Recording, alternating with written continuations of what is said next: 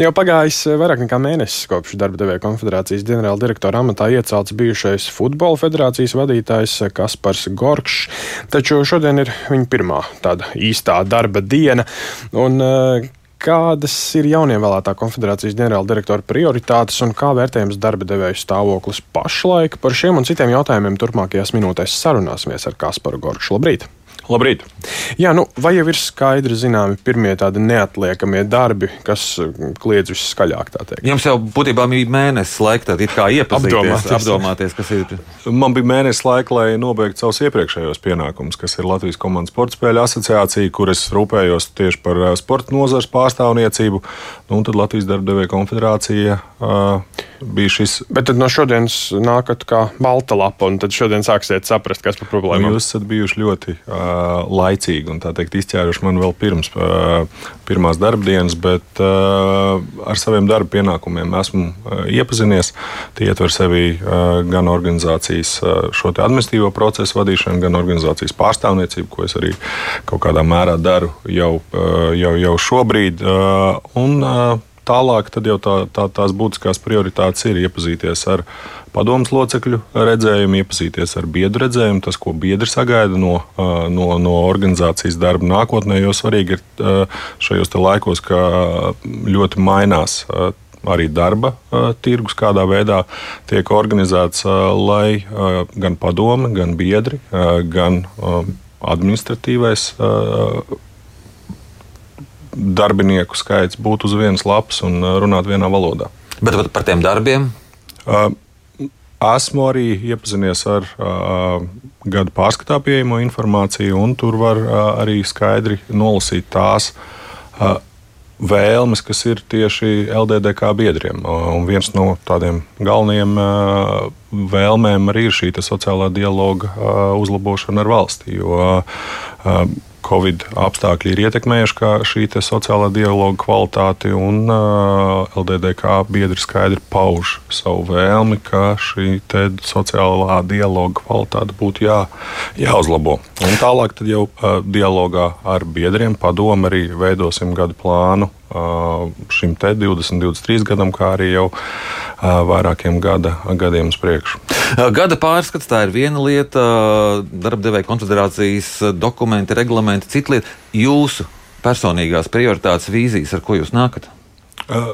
Tieši tādas arī ir manas personīgās uh, prioritātes saska, saskaņā ar biedriem. Viens ir tas, ko es skaidri redzu, šis sociālais dialogs, uh, lai uh, valsts un uzņēmēji, kas ir nu, tomēr tautsājniecība, ir valsts pārticības pamats, lai valsts un uzņēmēji runātu vienā valodā.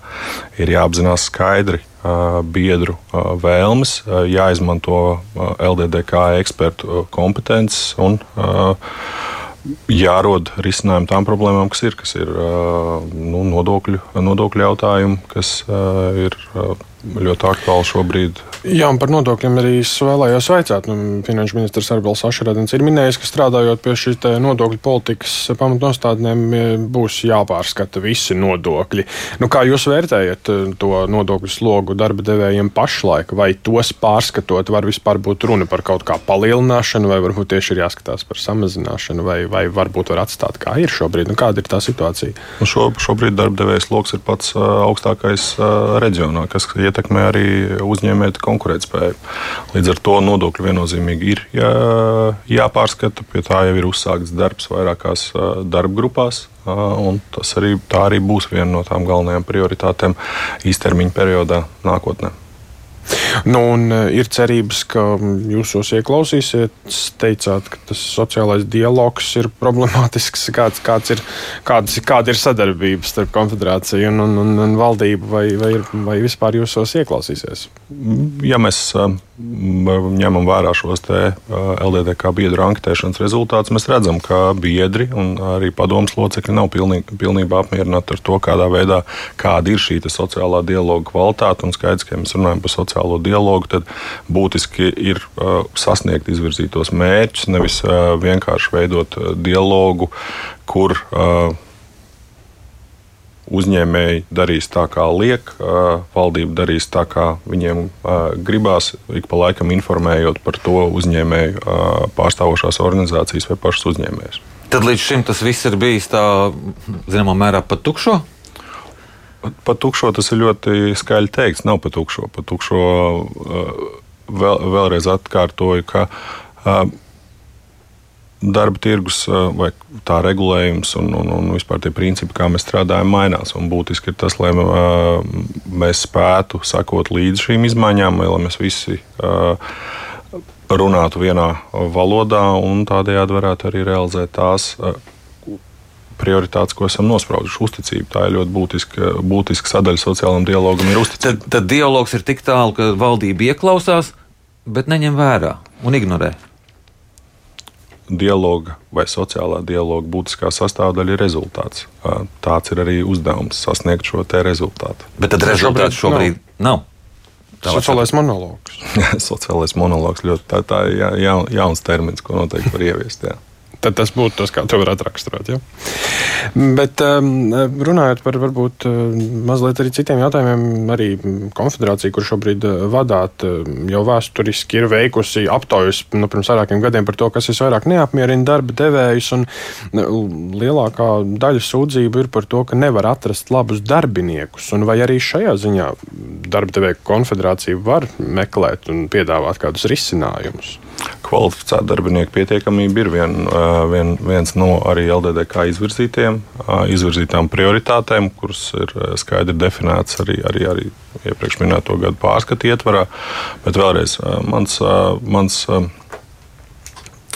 uzdevums arī nākamajā, nākamās, nu, šīs nedēļas laikā ir iepazīties ar visiem jautājumiem, iepazīties ar darbiniekiem, iepazīties ar padomus locekļiem un veidot šo komunikāciju tādā veidā, ka mēs jau tuvākajā laikā varam identificēt ļoti konkrēti šos sasniedzamos mērķus. Mums ir skaidrs, kādā veidā mēs arī šos mērķus, mērķu sasniegšanu mērīsim, un, un tad jau ceru iepazīstināt arī ar rezultātiem. Bet kā jūs raugāties uz to, kas notiek Igaunijā? Teiksim, tur tā kā cels nodokļus, iespējams, arī mums, mēs sekosim šim piemēram. Kāds ir jūsu vērtējums?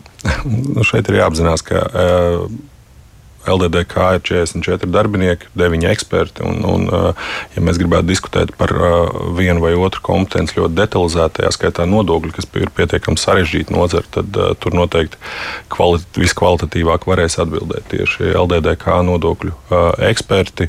Un mans uzdevums būs šos te, šo te ekspertu zināšanas apkopot un jau definēt kopējo LDDK biedru viedokli.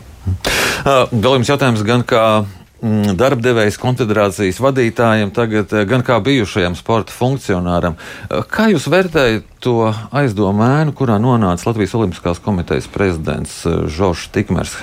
Kā jūs vērtējat šo situāciju? Nu, jūs zinat sporta virtuvi, un tagad arī jums kā darba devēja organizācijas vadītājiem jārūpējas, lai būtu godīga konkurence. Kāda izskatās jums šī situācija?